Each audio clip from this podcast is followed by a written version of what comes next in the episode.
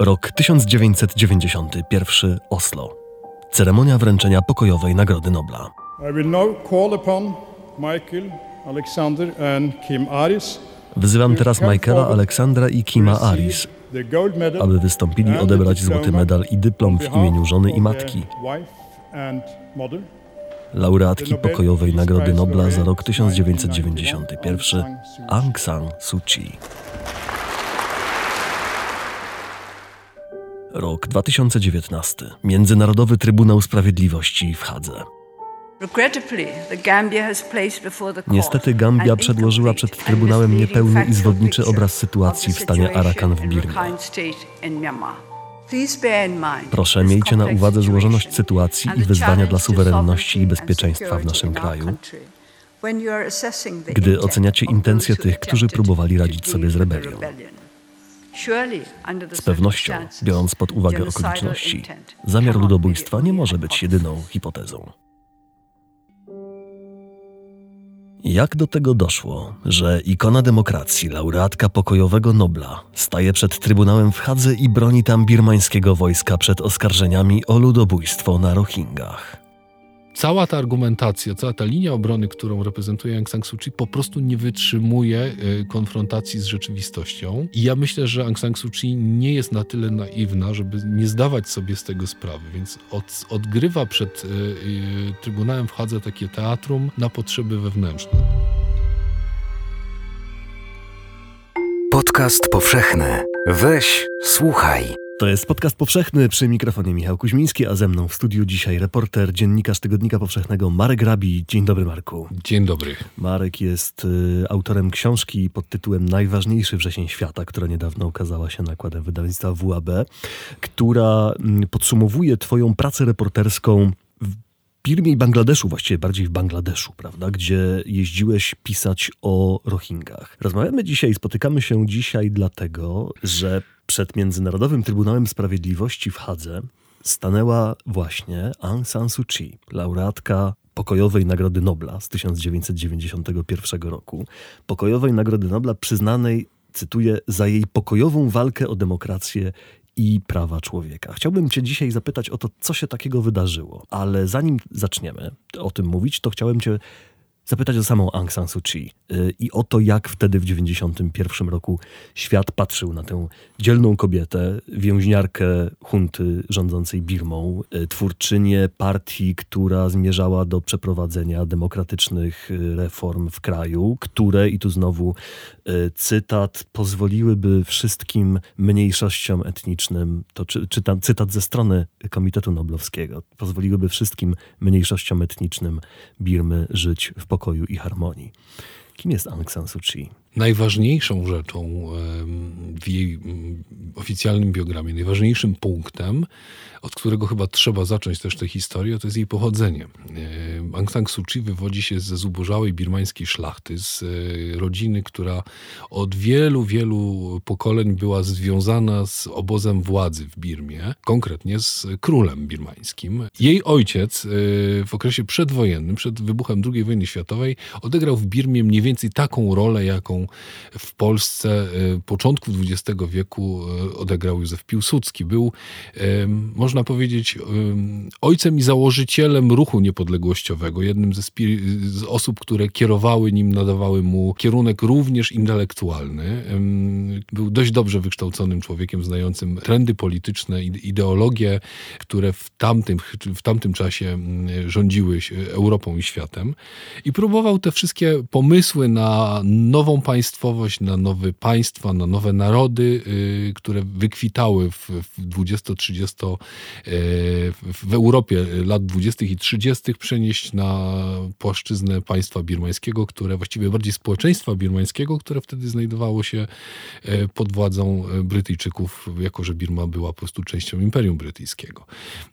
Po II wojnie światowej, kiedy Imperium Brytyjskie znacząco osłabło i zaczęło oddawać kolonie, w 1947 roku Birma również wywalczyła niepodległość i w opinii przeciętnego Birmańczyka generał Aung San który również był e, czynnym uczestnikiem walk partyzanckich w okresie II wojny światowej, był jednym z ojców niepodległości birmańskiej. Warto też tutaj wspomnieć, że e, to właśnie generał Aung San w 1947 roku doprowadził do spotkania e, wszystkich mniejszości etnicznych w Birmie. Ile ich jest i co je dzieli, to za chwilę myślę, że będziemy musieli o tym wspomnieć, ale na jednej z takich bardzo ważnych konferencji założycielskich tego państwa, e, to właśnie Aung San doprowadził do porozumienia pomiędzy liderami politycznymi, zwaśnionymi mocno ze sobą i nakłonił ich do stworzenia państwa w takim nowoczesnym nowoczesnym, no, nowoczesnej konwencji, którą zapożyczył sobie wprost z Jugosławii, uznając mhm. najwidoczniej, że jest to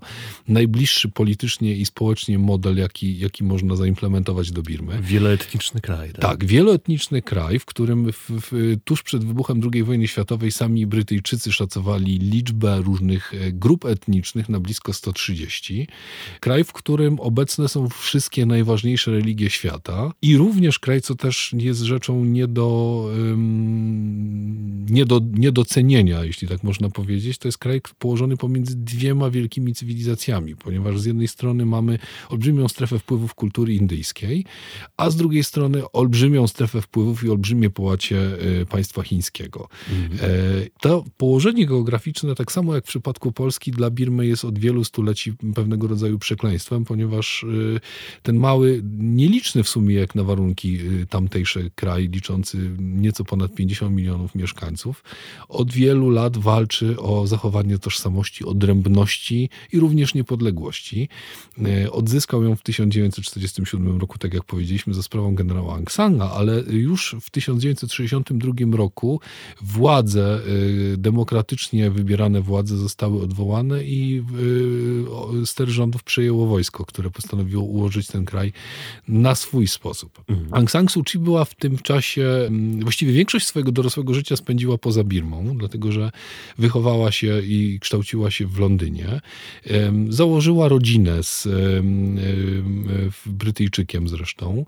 I tak naprawdę na scenie politycznej birmańskiej stała się rozpoznawalnym graczem dopiero w latach 80., mhm. E, kiedy założyła e, razem ze swoimi współpracownikami Narodową Ligę na Rzecz Demokracji, partię, która miała wprost dążyć do przejęcia władzy od generałów i doprowadzenia do demokratyzacji życia publicznego i politycznego w Birmie, mm, e, włączenia tego kraju w strefę wpływów Zachodu, jeśli możemy tak, tak powiedzieć.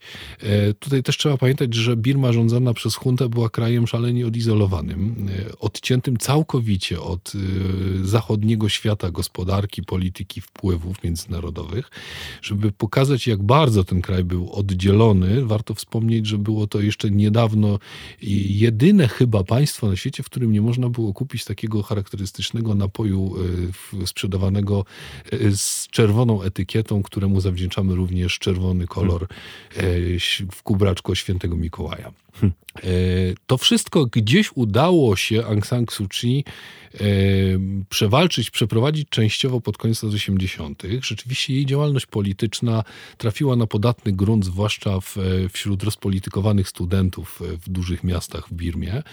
W 1988 roku wybuchło nawet powstanie, w którym ja nie jestem bardzo, do, y, nie jestem specjalistą od historii Birmy, ale historycy birmańscy podkreślają, że no, tu Narodowa Liga na Rzecz Demokracji była jednym e, z, z tych czynników, w jednym ze środowisk, które e, to powstanie gdzieś w jakiś sposób pilotowały i próbowały też potem dla siebie wykorzystać. E, doszło potem do wyborów, których junta nie uznała. Doszło do kolejnego przewrotu wojskowego i tak w skrócie mm, można opowiedzieć, jak wyglądały te pierwsze lata działania e, politycznego Aung San, Aung San Suu Kyi, która właśnie wtedy została aresztowana, zatrzymana przez juntę w areszcie domowym. Junta prawdopodobnie stwierdziła, że nie może pozwolić sobie na zabicie zabicie osoby, która jest tak rozpoznawana w środowisku, w mm -hmm. społeczeństwie birmańskim, no przecież była to córka samego generała Aung Sanga. E, dlatego zatrzymano ją, zamknięto ją, ale jednocześnie wtedy już, czyli pod koniec lat 80., Birma znajdowała się w fatalnym położeniu gospodarczym. I sami generałowie zdawali sobie sprawę, że pamiętajmy, co działo się wtedy na świecie. 89 rok to jest moment, w którym bardzo mocno zaczyna topnieć e, chiński mur i e, reformy e, Deng Xiaoping Pinga zaczynają nabierać rumieńców. E, sypie się również system komunistyczny w Europie Wschodniej. W pewnym sensie podobne rzeczy dzieją się się w Birmie, która oczywiście nie jest bezpośrednio włączona do bloku wschodniego, natomiast pod jednym względem go przypomina, ponieważ jest oddzielona od świata zachodniego również w wymiarze gospodarczym i yy, rządzący krajem generałowie zdają sobie sprawę z tego, że ta separacja yy, coraz bardziej temu krajowi i również elitom władzy wychodzi bokiem. Mhm. Więc rozpoczęto, mimo że właśnie wtedy yy, w odpowiedzi na aresztowanie Aung San Suu Kyi i na bardzo krwawe stłumienie powstania 8888, tak nazwanego dlatego, że ono wybuchło 8 sierpnia 1988 roku, a wybuchło nieprzypadkowo, dlatego że Birmańczycy są e, bardzo mocno przekonani e, o znaczeniu liczb i pewne mhm. e, czynności, pewne rytuały starają się realizować w momencie, kiedy data im sprzyja, kalendarz pokazuje, że można to zrobić. To powstanie zostało bardzo krwawo stłumione, zginęło kilkanaście tysięcy osób, kilkadziesiąt tysięcy studentów zostało zmuszonych do emigracji do Tajlandii, kilkanaście tysięcy z nich ukryło się w górach na pograniczu Birmy i Tajlandii, gdzie przez wiele lat próbowali tworzyć taką lewicującą partyzantkę, aż wreszcie zostali pokonani. W każdym razie w reakcji na to społeczeństwo, społeczność międzynarodowa wprowadziła sankcje, które jeszcze mocniej dogięły Birmę do, do ziemi i wtedy generałowie zrozumieli, że trzeba się otworzyć na zachód i na zachodnie wartości. Mhm. To się działo bardzo powoli, metodą takiej, takiej strategii salami. Powolutku, powolutku wpuszczali kolejne organizacje międzynarodowe, przede wszystkim wielki biznes na zasadzie kontraktów, aż wreszcie e, w 2011 2011 roku e, Birma zdecydowała się, junta właściwie zdecydowała się przeprowadzić po raz pierwszy wolne wybory, uznać te wybory i oddać część władzy, właściwie całą władzę e, w ręce Narodowej Ligi na Rzecz Demokracji Aung San Suu Kyi. Te wybory oficjalnie były wygrane przez e, opozycję, natomiast w praktyce niewiele zmieniły w sytuacji wewnętrznej Birmy, dlatego że junta zostawiła sobie prawo decydowania o kluczowych sprawach w kraju, takich jak gospodarka, e, obronność, energetyka, etc. Co więcej, w parlamencie zarezerwowano dla wojska 25% miejsc dalej e, z definicji. Więc można powiedzieć, że Aung San Suu Kyi stała się e, w systemie politycznym Birmy kimś w rodzaju takiego kwiatka do kożucha, takiego tak. łatwego wytłumaczenia dla y, kierunku polityki birmańskiej dla świata zachodniego. Natomiast w praktyce ster rządów w Birmie nadal y, trzymają twardo generałowie i to oni decydują, w którą stronę sprawy w kraju zmierzają, a w którą, w którą mają nie zmierzać. Ja dość dobrze pamiętam konfuzję z tamtego czasu, bo to, co się początkowo wydawało rzeczywiście takim modelowym zwycięstwem opozycji demokratycznej, prawda, wszyscy lubimy, kiedy takie scenariusze na wzór zachodni się pięknie y, y, realizują, nagle okazało się być czymś w rodzaju bardziej wpisania się, prawda, w ten system, w którym generałowie zdjęli mundury, y, założyli garnitury i właściwie i właściwie co? Właściwie jak to, się, jak, to, jak to wygląda z punktu widzenia opozycjonistki? Dwie dekady spędzające, jeśli dobrze liczę, w areszcie domowym, legendy, która nagle właściwie co zaczyna robić? Współpracować z huntą? No właśnie. I my musimy tutaj powiedzieć jasno o pewnym niezrozumieniu roli Aung San Suu Kyi w polityce birmańskiej hmm. i też o pewnym przecenieniu jej własnych aspiracji i celów politycznych, które sobie stawiała w swojej działalności. Tak jak wspomniałeś, ona otrzymała Nagrodę Nobla za pokojowe protestowanie przeciwko reżimowi oraz o, za walkę o prawa człowieka. No, gdybyśmy się mocno skupili na tym drugim elemencie jej nagrody, to zobaczymy, że ona nigdy w swojej działalności nie opowiadała się za prawami człowieka, rozumianymi szerzej niż prawo do demokratycznego wyboru e, reprezentantów władzy. No ale jak to, ale jak to zaraz? Tutaj e, funkcjonowanie w harmonii, pokoju różnych grup etnicznych w kraju i tak dalej. No właśnie. I tego hmm. nigdy y, w ustach Aung San Suu Kyi nie można było usłyszeć jednoznacznie. Znaczy hmm. ona w momencie, kiedy prowadziła kampanię wyborczą, na przykład w 1988 roku, e, bardzo sprawnie e, wręcz podsycała pewne animozje pomiędzy e, grupami etnicznymi w Birmie, przypominając różnego rodzaju elementy z trudnej wspólnej historii, pokazując swoim potencjalnym zwolennikom, czy też osobom, które mogłaby namówić na głosowanie na Narodową Ligę Demokracji, że ona będzie stała na, po ich stronie. Takim przypadkiem dość, dość często um, przywoływanym przez um, badaczy Birmy jest kampania wyborcza właśnie kiedy ona pojawiała się na wiecach wyborczych, mając na głowie tak zwany kamuk, czyli mhm. taki stożkowy kapelusz z, z, z, z, włókien bambusowych. I to jest klasyczne nakrycie głowy noszone w, w, w Birmie przez jedną z grup e, etnicznych, która ma, uwaga, bardzo długą tradycję iredenty w stosunku do e, Królestwa Birmańskiego. Mhm. E, dla Szanów, bo to właśnie o nich mowa, był to ja, ja, jasny komunikat, że Narodowa Liga na Rzecz Demokracji, reprezentowana, prowadzona przez Aung San Suu Kyi, córkę generała Aung Sanga, będzie respektować równouprawnienie tych wszystkich grup etnicznych. Zresztą właśnie tak jak Aung San powtarzał w, w latach 40., jego ideą tego pokojowego współistnienia tych grup etnicznych byłoby, byłby model, w którym wszyscy zgadzają się, że Birmańczycy, czyli grupa etniczna stanowiąca większość, bo to jest około 60 paru procent społeczeństwa birmańskiego, jest tylko i, i aż pierwszym wśród równych w, tych, w, tej, w tej mozaice etnicznej, złożonej, tak jak powiedziałem, być może nawet ze stu iluś e, grup etnicznych, ras, jak to mówią Birmańczycy. Mhm. Zaraz, kiedy wybory zostały wygrane w, te, w 2011 roku, Aung San Suu Kyi po prostu zrzuciła e, ten wizerunek e, osoby otwartej na inne mniejszości etniczne i jasno powiedziała się po stronie większości birmańskiej. Dlaczego? Ano z tej prostej przyczyny, że Aung San Suu Kyi jest Birmanką.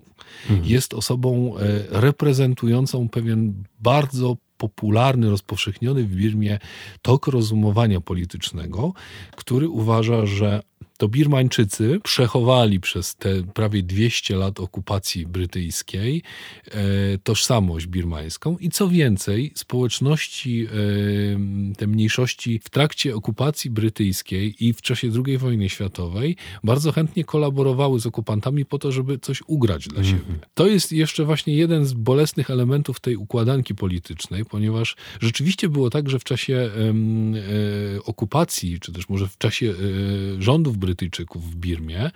Brytyjczycy świetnie zdawali sobie sprawę z napięć, jakie występują w tym społeczeństwie i wiedzieli, że e, więzi łączące e, niektóre części byłego Królestwa Birmańskiego z centrum, bo to jest dość istotny element, żeby rozumieć, że Królestwo Birmańskie, w ogóle koncepcja państwa w tej części Azji nijak się nie ma do tego, co my mamy w głowie myśląc o państwie. To nie jest, to nie była może w tamtych czasach konstrukcja e, prawna z jasno z nakreślonymi granicami, z jakąś administracją, która sprawnie działa jednakowo na całym obszarze.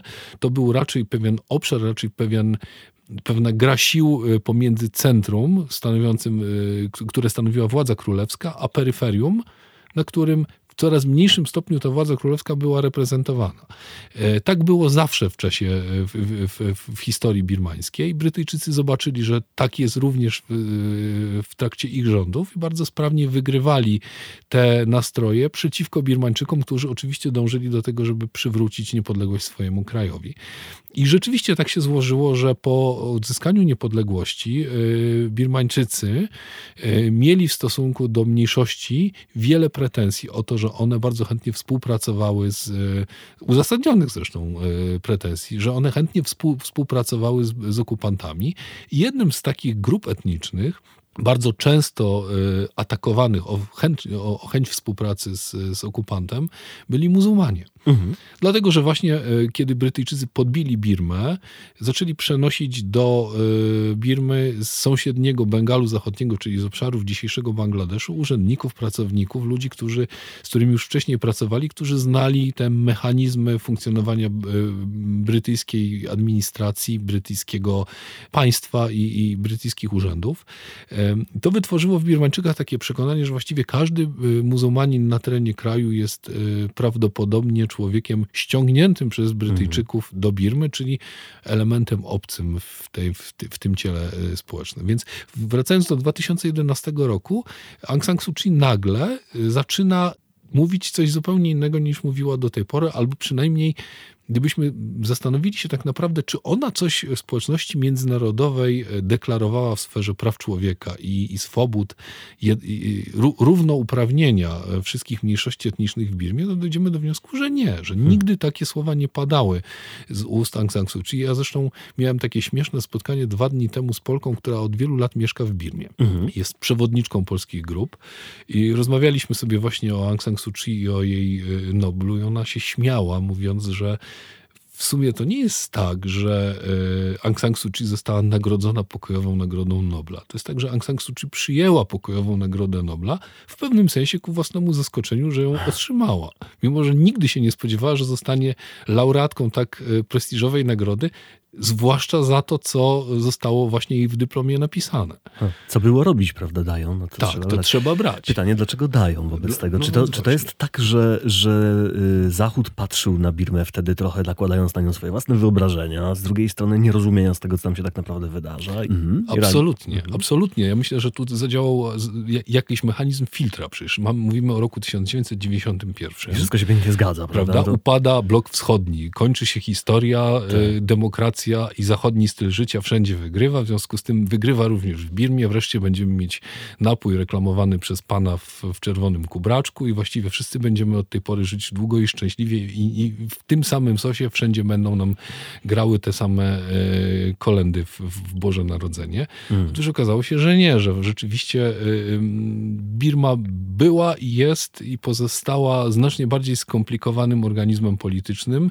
E, ma swoje problemy społeczne, które polityka kręci się tam wokół zupełnie innych wartości, e, zupełnie inaczej pewne rzeczy są tam rozumiane i były rozumiane. Warto nawet o tym właśnie wspomnieć, jak śmiesznie na przykład e, elity birmańskie w latach 30. próbowały implementować marksizm w, mhm. w Birmie, ponieważ tam rzeczywiście próbowano e, naukę Marksa i Engelsa w jakiś sposób włączyć do walki z Brytyjczykami, ale zastosowano bardzo sprytny mechanizm, ponieważ walkę klas zastąpiono walką ras.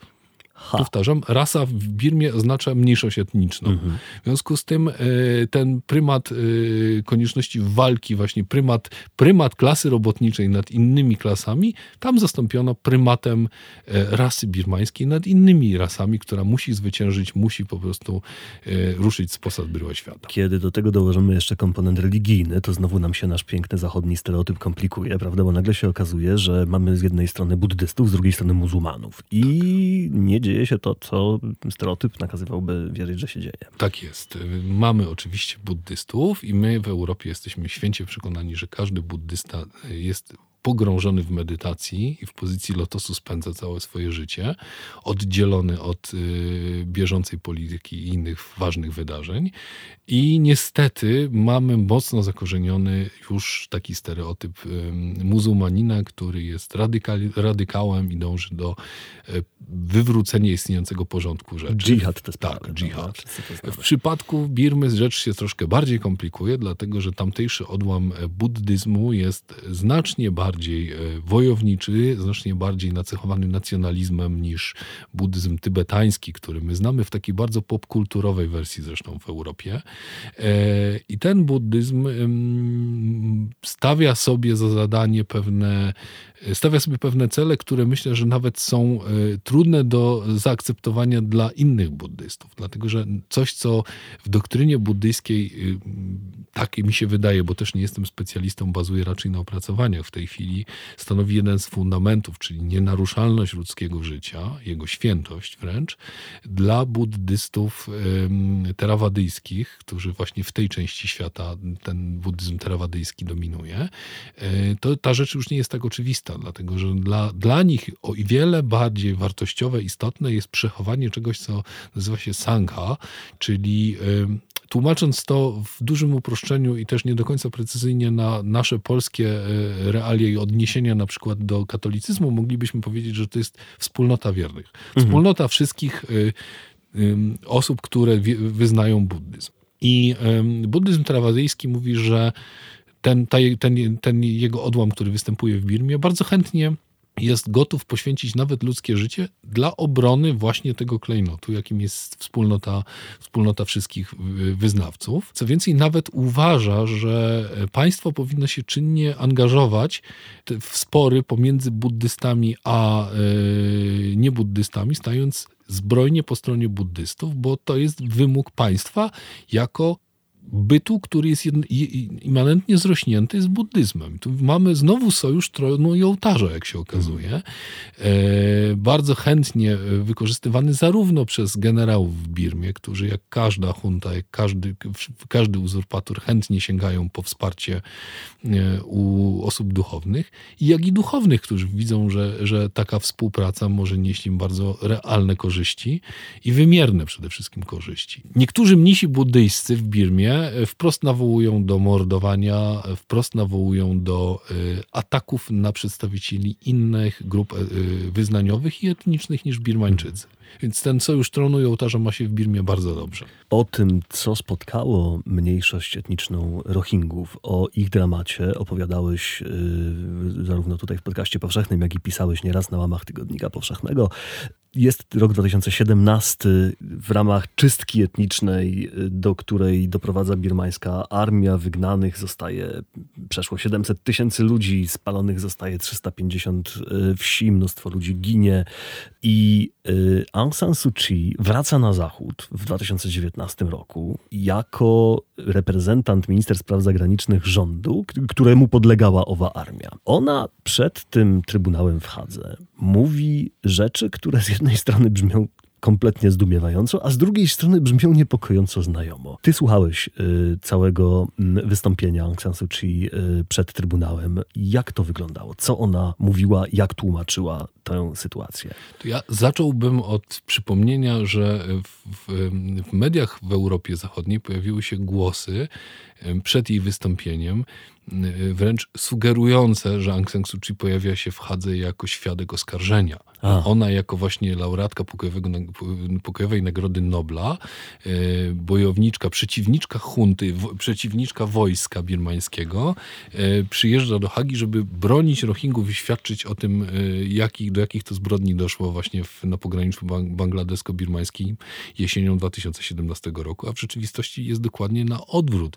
Aung San Suu Kyi jako właśnie pani premier i, minister spraw zagranicznych rządu współtworzonego przez Huntę razem z, z, Narodową Ligą na Rzecz Demokracji, przyjechała do Hagi, żeby bronić swojego kraju przed zarzutem właśnie czego? Ponieważ zarzut, który sformułowano w, w, przed Trybunałem w Hadze brzmi zarzut przeprowadzenia e, czystek z zamiarem ludobójczym. Mm -hmm, I mm -hmm. słuchając dość krótkiego, bo to w sumie było zaledwie 30 minut wystąpienia Aung San Suu Kyi, która najpierw przedstawiła linię, tok rozumowania, linię obrony swojego kraju, a potem oddała głos wynajętym prawnikom z Europy, którzy mieli y, dokładnie rozebrać na czynniki pierwsze ten, to, to, o czym mówiła. Ona właściwie nie odniosła się do żadnego z zarzutów, które zostały postawione jej krajowi i jej rządowi, ponieważ jej y, linia obrony sprowadza się do prostego sformułowania. Rzeczywiście na pograniczu bangladesko-birmańskim od wielu miesięcy trwa wojna pomiędzy wojskiem, regularnym wojskiem birmańskim, a partyzantką, mhm. reprezentowaną akurat w tej części tego stanu Arakan, o którym mówimy, przez rohińską Armię Wyzwolenia y, Narodowego, tak zwaną ARSA. Mhm. I ludność cywilna po prostu ucierpiała w trakcie działań wojennych, w pełni legalnych, kontrolowanych działań przeciwko terrorystom. Tam również ha. padało określenie terroryści, mm -hmm. no bo wiadomo, mm, poruszamy się w obszarze y, zamieszkiwanym przez muzułmanów. I co więcej, Aung San Suu Kyi i cała armia birmańska bardzo współczuje wszystkim ofiarom, które y, doznały cierpień lub zostały skrzywdzone w trakcie tych działań, ale to nie armia birmańska skrzywdziła tych ludzi. Sami się wypędzili. Oni tak, to jest bardzo, bardzo y, często spotykana i znana interpretacja, prawda? I uciekli to znaczy, że są czemuś, mają coś na mhm, sumieniu. Mm -hmm. Proszę pozwolić mi wyjaśnić znaczenie pojęcia operacja oczyszczania. Jego znaczenie zostało zniekształcone. Już w latach 50. pojęcia tego używano podczas operacji wojskowych przeciwko birmańskiej partii komunistycznej w górach Bago. Od tamtej pory wojsko używa tego wyrażenia na potrzeby operacji przeciwko rebeliantom i terrorystom po atakach ze strony rebeliantów i terrorystów. W języku birmańskim dosłownie oczyszczanie miejsca oznacza po prostu oczyszczanie terytorium z rebeliantów lub terrorystów. Sytuacja w Arakanie jest skomplikowana i niełatwa do pojęcia. Ale jedno bez wątpienia dotyka nas w równym stopniu. Cierpienie wielu niewinnych ludzi, których życie zostało rozdarte w wyniku konfliktów zbrojnych w latach 2016 i 2017. Zwłaszcza tych, którzy zmuszeni byli uciekać ze swoich domów i żyją teraz w obozach w Cox's Bazar. Te wszystkie słowa, które padają, prawda, te e, operacja antyterrorystyczna, cywilne straty uboczne, to jest wszystko y, słownictwo z wokabularza zachodniego, prawda? Tak, to jest, ja w ogóle słuchając y, jej wystąpienia miałem taki bolesne wrażenie, że wiele z tego, co słyszę i widzę, przypomina mi strategię narracji, którą Rosja w 2014 roku obrała na Ukrainie. Że to nie są nasi ludzie, to są jakieś zielone ludziki. Mundury, które tak, można kupić w każdym supermarkecie. W każdym sklepie. Tam również, tam działają jacyś fantomowi partyzanci. Bardzo dokładnie zresztą policzeni w momencie, kiedy mowa jest o partyzantach rochińskich. I jakieś siły wojskowe, które bardzo precyzyjnie uderzają w konkretnych miejscach, działają zawsze zgodnie z prawem, ale zaraz potem okazuje się, że kiedy nie działają zgodnie z prawem, bo jednak nie działają zgodnie z prawem i to przyznaje Aung San Suu Kyi, mhm. to aparat państwowy birmański reaguje. Aha. E, Aung San Suu Kyi przed Trybunałem w Hadze powiedziała, że na nie widzi powodów, żeby mm, społeczność międzynarodowa podejmowała jakiekolwiek kroki prawne przeciwko jej państwu, dlatego że e, reakcja Trybunału Haskiego byłaby uzasadniona i zgodna z logiką prawa międzynarodowego jedynie wtedy, gdyby e, Birma rzeczywiście zlekceważyła łamanie praw człowieka i zbrodnie, jakich, jakie miały miejsce e, w Arakanie. Mhm. A zdaniem Aung San Suu Kyi nic takiego nie miało miejsca. Nieliczne przypadki, kiedy żołnierze wykonujący swoje zadania dopuścili się zbrodni, dopuścili się przestępstw, zostały surowo ukarane. Podała nawet liczbę osób skazanych na kary więzienia. Czy można mówić o zamiarze ludobójczym w przypadku państwa, które aktywnie prowadzi śledztwa, ściga i karze żołnierzy oskarżonych o wykroczenia? Chociaż mówimy tu o wojskowych, to mogę również zapewnić, że odpowiednie kroki zostaną podjęte także przeciwko cywilnym przestępcom w ramach należytego procesu. Nie będzie tolerancji dla naruszeń praw człowieka ani w Arakanie, ani nigdzie indziej w Birmie.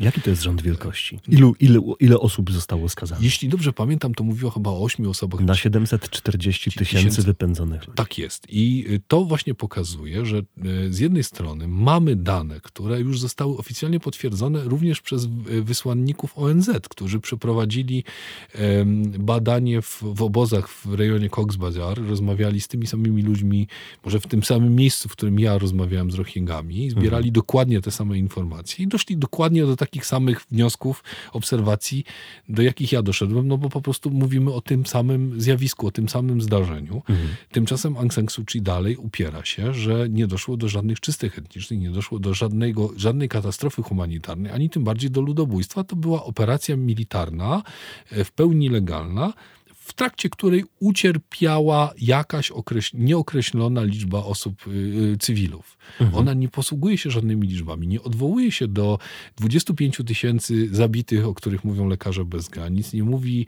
yy, że 90 tysięcy zabitych, o których mówią yy, sami Rohingowie, jest to liczba całkowicie nierealna.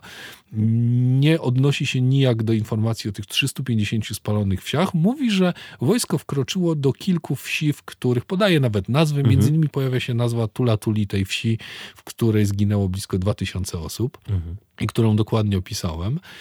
Ale to wszystko jej zdaniem to jest cały czas operacja antyterrorystyczna, y, mająca uzasadnienie w aktualnej sytuacji w Arakanie, dlatego że, jak powtarza z uporem godnym lepszej sprawy, to zarzewie tej wojny właśnie wybuchło za sprawą Rohingów. To Rohingowie, to ich partyzantka od lat destabilizuje sytuację w Arakanie i wojsko po prostu musiało stanąć w obronie obywateli. Tu się robi właśnie wesoło, ponieważ mhm. nagle okazuje się, że wojsko stając w obronie obywateli staje właściwie nie wiadomo w obronie kogo, skoro 700 tysięcy ludzi, czyli mhm. większość mieszkańców tego regionu y, ucieka przed tym wojskiem, a jednocześnie y, premier rządu twierdzi, że to było w ich interesie, no to coś tutaj nie gra. Rozchodzi nam się rzeczywistość z deklaracjami polityka. Chyba, że nie każdy kwalifikuje się do miana obywatela. Otóż to, no więc właśnie. I tu moim zdaniem Aung San Suu Kyi dalej e, liczy na olbrzymie materii pomieszanie i skomplikowanie tej sytuacji, tej historii, y, jaka ściągnie za Rohingami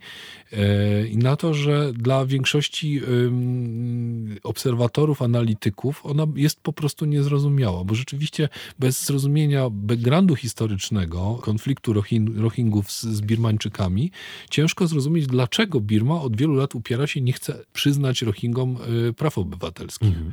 Ja zresztą te, już to mówiłem chyba przy naszym poprzednim spotkaniu, że jednym z powodów, dla których ja się tym tematem zainteresowałem, było kompletne niezrozumienie, dlaczego w tej części świata, gdzie wszystkie państwa budują swoją pozycję na takiej jakby rencie demograficznej, na liczbie swoich, swoich mieszkańców, akurat najmniej z ludnych krajów decyduje się pozbyć się prawie miliona swoich obywateli, znaczy obywateli mieszkańców. Tak. Od wielu lat, od 1982 roku, władze birmańskie upierają się, że Rohingowie nie są obywatelami, ponieważ są muzułmanami, ponieważ y, należą do świata kultury bengalskiej. W związku z tym istnieje domniemanie, że są to osoby, ludność napływowa, która po 1947 roku uciekła, przyniosła się do Birmy z terenów obecnego Bangladeszu. I tu warto też powiedzieć, że w 1971 roku, kiedy w Pakistanie Wschodnim, czyli w dzisiejszym Bangladeszu, rozpoczęły się e, walki, które doprowadziły do, do e, powstania tego państwa, mhm. rzeczywiście jakaś grupa kilkudziesięciu tysięcy e, Bengalczyków mieszkających na terenie obecnego Bangladeszu przekroczyła granicę birmańską i osiedliła się w Birmie, uciekając po prostu przed wojną. Więc mhm. takie ruchy również miały miejsce, ale to nie znaczy, że półtora miliona arakańskich muzułmanów mieszkających tam od, od stuleci to są w 100% y, ludzie, którzy właśnie trafili tam y, albo za sprawą właśnie osadników jeszcze w czasie brytyjskim albo uciekli w latach 70. A to jest oficjalna linia e, polityczno-demograficzna władz e, birmańskich. No i właściwie e, cóż pozostaje w tym momencie? Wzruszyć ramionami, powiedzieć, że to jest rzeczywiście chyba wszystko skomplikowane. Co Trybunał Sprawiedliwości w Hadze właściwie może i co, do czego to, to, to przesłuchanie właściwie może doprowadzić? To jest, użyłeś sformułowania to skomplikowane i to jest bardzo, bardzo ważny moment, bo ja słuchając jej wystąpienia zauważyłem, że ona ona bardzo często używa takiego określenia. To Aha. skomplikowane, it's complicated. Nie, nie odważy się sformułować takiej hipotezy, że, że y, jest to próba użycia terminu znanego y, nam wszystkim na całym świecie z pewnego dużego y, portalu społecznościowego na określenie pewnych rzeczy, które są trudniejsze do oznakowania i, i, wyjaśnienia niż za pomocą jednej ikonki, mhm. ale rzeczywiście ona bardzo chętnie podkreślała y, skomplikowaną materię relacji y, birmańsko-muzułmańskich, skomplikowaną, skomplikowane tło tego konfliktu, który teraz już nawet nie tli, tylko po prostu gorzeje w, w Arakanie, przy granicy z Bangladeszem. Ja słuchając jej słów miałem cały czas takie dojmujące przekonanie, że ona tak naprawdę jednak nie mówi do Zachodu. Myślę, że pozycja Aung San Suu Kyi y, na Zachodzie jest już przegrana. Aha. Y, to nie jest pierwsze jej wystąpienie na arenie międzynarodowej y, od y, wybuchu kryzysu w Arakani, od momentu, kiedy 700 tysięcy Rohingów uciekło przed przemocą. Ona milczała jesienią 2017 roku w dość wymowny sposób, kiedy cała społeczność międzynarodowa, cały świat patrzył w jej kierunku, oczekując, że ona coś powie właśnie, odniesie się do tego jakoś. Mhm. Nie zrobiła nic. Co więcej, po jakimś czasie, kiedy już y, y, zakończył się ten eksodus, sytuacja w pewnym stopniu się unormowała. Wojsko przestało strzelać, to mówimy o takim poziomie normalizacji sytuacji w Arakanie do, do Rohingów. E, Aung San Suu Kyi zaczęła pozwalać sobie na coraz mocniejsze deklaracje poparcia dla, twardego poparcia dla e, polityki e, hunty. Mhm. Podczas wykładu na jednym z, amerykańskich uniwersytetów zapytana o to, jaki jest jej stosunek do hunty, ona powiedziała, ja kocham armię i wprowadziła w kompletne zszokowanie i zdziwienie swoich słuchaczy, którzy spodziewali się, że powie coś zupełnie innego. Coraz bardziej z, y, zaostrza się jej antymuzułmańska narracja. Kilka miesięcy temu podczas spotkania z premierem Węgier Viktorem Orbanem wprost nawoływała Orbana, który jak wiadomo nie słynie z sympatii do imigrantów, do tego, żeby Zachód umowny i Birma zacieśniły współpracę i y, rozpoczęły y, działania, które będą chronić cywilizację zachodnią przed y, muzułmańskim żywiołem, który się pleni, rozszerza, rozrasta i zagraża europejskiej tożsamości. Ja o tym mówię nie dlatego, że to jest jakoś strasznie perwersyjne w, w, w ustach noblistki, ale dlatego, że to są też y, odwołania do takiego korpusu skojarzeń, asocjacji, które y, junta w stosunku do muzułmanów od wielu lat buduje w, w Birmie i które się udało bardzo skutecznie stworzyć, ponieważ to też y, świetnie opisane jest w literaturze fachowej. Wiemy, że każde ludobójstwo zaczyna się na poziomie języka. Mhm. Żeby zacząć ludzi wywozić do obozów koncentracyjnych i zabijać na, na, masową skalę albo wypędzać na masową skalę z domu, to najpierw trzeba ich odczłowieczyć. Najpierw tak. trzeba ich nazwać, że nie są naszymi, nie, a potem powiedzieć, że nie, że są, nie ludźmi. są ludźmi. Tak.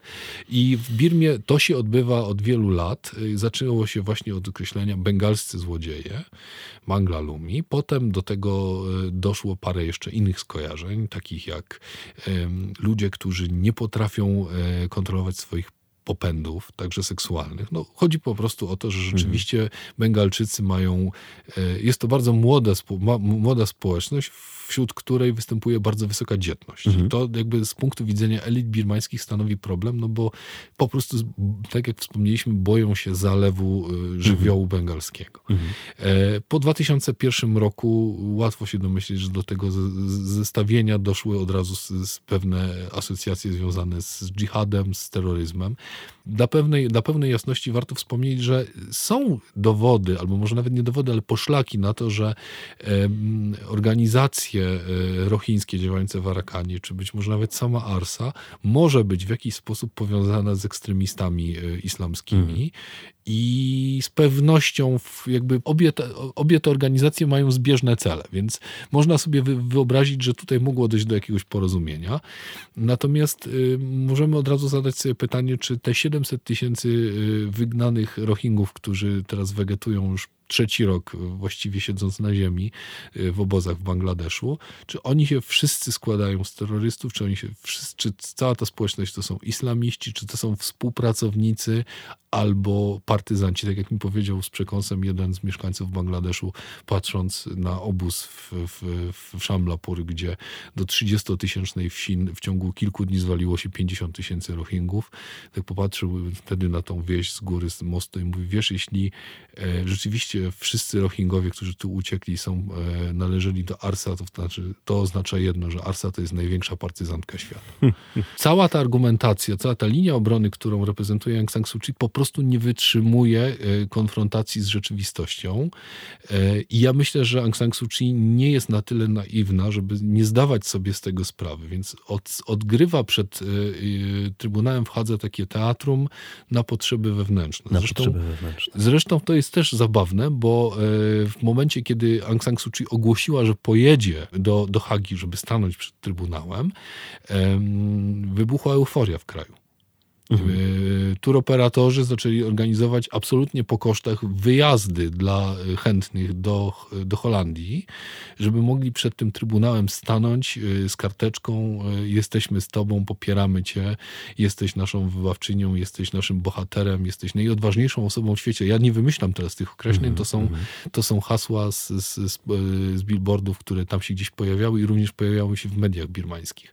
Pojawiają się też takie głosy, że rzeczywiście Aung San Suu Kyi próbuje wykonać dokonać, dokonać niemożliwego, czyli na, przekonać świat zachodni, że czarne jest białe, ale ja jestem cały czas, tak jak mówię, przekonany, że to chodzi tylko o to, żeby w Birmańczykach, w których junta od wielu lat umacnia przekonanie, że oni są otoczeni przez niechętne im siły, bo z jednej strony Chiny, y, które czyhają na ich też nie, niepodległość, z drugiej strony finansując ten kraj tak naprawdę, z drugiej strony potężny żywioł hinduski, indyjski, jak go nazwiemy, który zagraża ich tożsamości kulturowej. No i mamy oczywiście świat zachodni, który nas nigdy nie rozumiał, zawsze nas usiłował wtłoczyć w jakieś swoje paradygmaty i robi to po raz kolejny, a my przecież się tylko bronimy. I co ten świat zachodni, albo szerzej, co ta społeczność międzynarodowa teraz może, czy powinna, czy, czy, czy w ogóle? No właśnie, czy może? No właśnie, ale najpierw spróbujmy y, sobie odpowiedzieć na pytanie, jak to się stało, że y, przed Trybunałem w Hadze w ogóle ta sprawa zaistniała. Przecież mhm. minęło już dwa lata, ponad dwa lata od momentu, kiedy doszło do,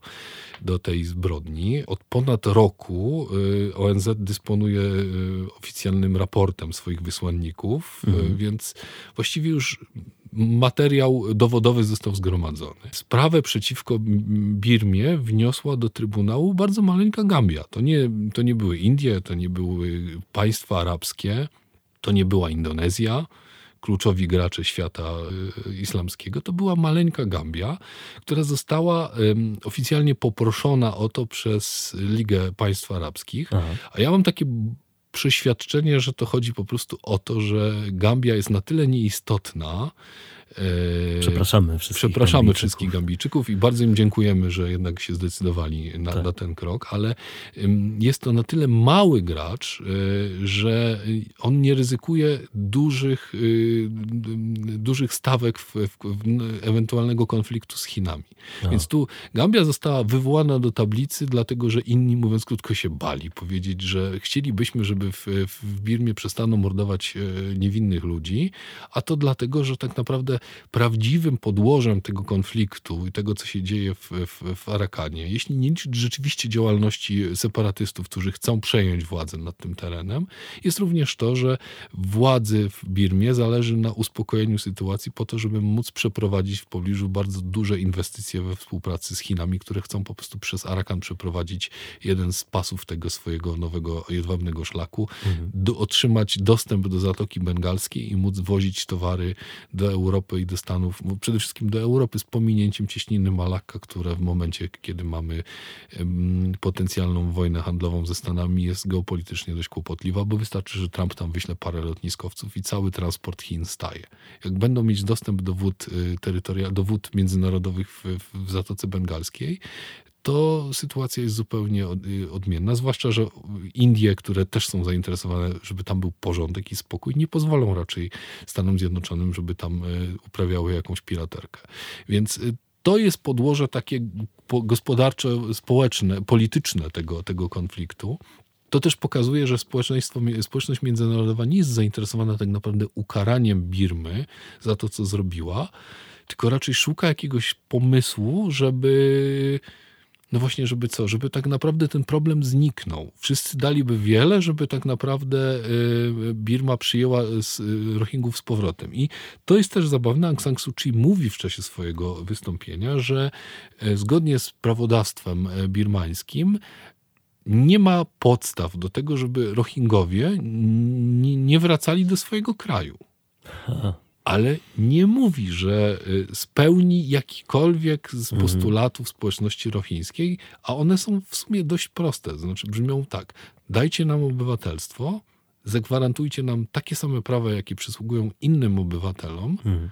Czyli na przykład prawo własności, bo tu o tym mówimy. Mhm faktyczne prawo do edukacji. Aung San Suu Kyi w trakcie wystąpienia bardzo się chwali tym, jak bardzo wzrósł poziom uczestnictwa dzieci w szkolnictwie w Birmie pod, za, jej, za jej rządów, ale nie wspomina, że Rohingowie od wielu lat nie mają dostępu do edukacji, nie dlatego, że im formalnie zakazano dostępu do, do edukacji, z prostej przyczyny zakazano im poruszania się z miejscowości do miejscowości. W związku z tym, gdyby zdolny Rohingya chciał skończyć uniwersytet, to musi go sobie zbudować w rodzinnej wsi, bo do, hmm. najbliższej, do, do najbliższego dużego miasta po prostu nie dojedzie. I to jest taka makiaweliczna polityka opowiadania cząstkowych prawd, opowiadania eksponowania elementów rzeczywistości, które z ustawiają rzeczywistość w jakiś określony sposób, pokazują ją w, w, korzystnym dla nas świetle i nie odpowiadania na, na, na, żadne, na żadne zarzuty, na żadne konkretne na, na, na, nie, nie odpowiadanie na żadne konkretne zarzuty. Ja miałem takie wrażenie, że to jest taka właściwie post zbrodnia na, na, na postludobójstwo. I to jest Post tak, ludobójstwo. Z tego, co opowiadasz, wyłania się taki obraz, w którym e, pewnego rodzaju kotle interesów e, nagle pojawia się taki kłopotliwy element, jak ten prawie milion ludzi, prawda, wygnanych ze swoich domów, którzy nie mają do dzisiaj dachu nad głową. I właściwie nie wiem, jak to spuentować, więc może zamiast tego zapytam cię tak przed Bożym Narodzeniem, jak tym ludziom my tutaj stąd, tutaj z naszych miejsc i z naszych ciepłych domów możemy próbować pomóc. Ja już miałem okazję odpowiedzieć na to pytanie, ale w bardzo konkretnym kontekście, dlatego że we Wrocławiu byłem e, gościem klubów Tygodnika Powszechnego i tam jedna z osób uczestniczących w, w rozmowie e, zapytała mnie, czy ja widzę jakiś e, możliwość połączenia tego, o czym mówię, opowiadam z tym, o czym mówiła Olga Tokarczuk w czasie swojego wykładu noblowskiego. Więc ja najpierw tak popatrzyłem na tę osobę i powiedziałem, no to stawia mi pani naprawdę w bardzo wysokie zadanie. E, Ale potem mnie olśniło, że przecież tak naprawdę to, o czym mówiła Olga Tokarczuk w tej w swoim wystąpieniu o, o, o tym e, wrażliwym, czułym narratorze, to jest tak naprawdę też opowieść o tym, żeby żebyśmy patrzyli trochę dalej niż czubek naszego nosa. I ym, kiedy rozmawiałem z Rohingami w obozach, ym, miałem takie poczucie, właściwie pewność, że jedną z rzeczy, na których im zależy najbardziej, nawet chyba bardziej niż na tym ryżu, który dostają, y, jest taka potrzeba zapewnienia sobie stałego zainteresowania opinii publicznej. E, Ci ludzie przez 40 parę lat nauczyli się jednego, że tak długo jak e, oczy świata są skierowane w ich kierunku, tak długo oni są bezpieczni. W momencie, kiedy świat się zaczyna zajmować czymś innym, to i w ich życiu się robi, y, s- y, dzieje się coś złego, ich codzienność staje się trudniejsza. Więc oczywiście ym, mamy na miejscu y, Polską Fundację Dobra Fabryka, która realizuje tam projekt pomocowy. Y, Jest tam taka świetlica e, zbudowana właśnie przez dobrą fabrykę, w której dzieci i, i też dorośli uczą się takich bardzo fajnych, pożytecznych, codziennych umiejętności, jak szycie na maszynie, uprawa domowego ogródka. Tych ludzi bardzo często trzeba takich rzeczy uczyć, bo nikt wcześniej nie, nie, ich nie nauczył na przykład nowoczesnego rolnictwa. E, dzieci, które mają mnóstwo czasu, oprócz tego, że uczą się, bo to jest taka namiastka szkoły, poznają tam jakieś umiejętności, mogą też pograć w gry. E, Są tam też pedagogzki, które rozwiązują bieżące problemy i na przykład uczą dzieci, w jaki sposób rozwiązywać spory bez agresji, bo jest to społeczność bardzo w tej chwili odreagująca, odreagowująca e, traumę, której doświadczyła i przemocy i złości w ich wzajemnych relacjach jest bardzo dużo. E, Powstanie tam niebawem też kino, z tego co wiem, żeby młodych ludzi oderwać od narkotyków, które już się pojawiły w obozach. E, Więc jest to świetny pomysł, żeby podzielić się odrobiną swojego dobrobytu i wpłacić jakieś pieniądze, żeby ten, ten, to, to centrum tam dalej mogło działać, jako że tak jak powiedziałem, jest to jedyna czysto polska e, inicjatywa cha- charytatywna w tej części świata. Polski rząd nie zareagował na nasze prośby, żeby w jakiś sposób się włączyć w ten, e, w ten projekt i, i nawet nie odpowiedział na to pytanie, na tę prośbę.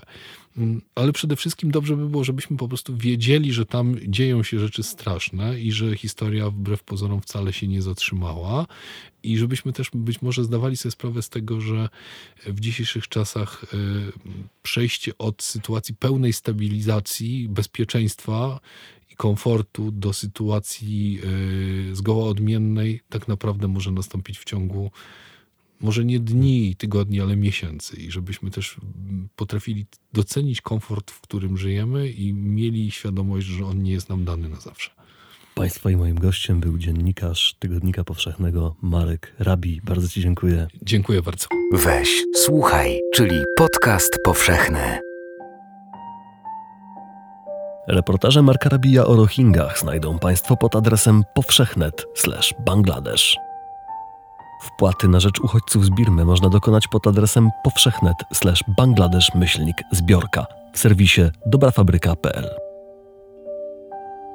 Cytaty z materiałów Komitetu Noblowskiego i Międzynarodowego Trybunału Sprawiedliwości w Hadze. Muzyka Rafael Krux, Orkestra Lisnet, Film Music IO.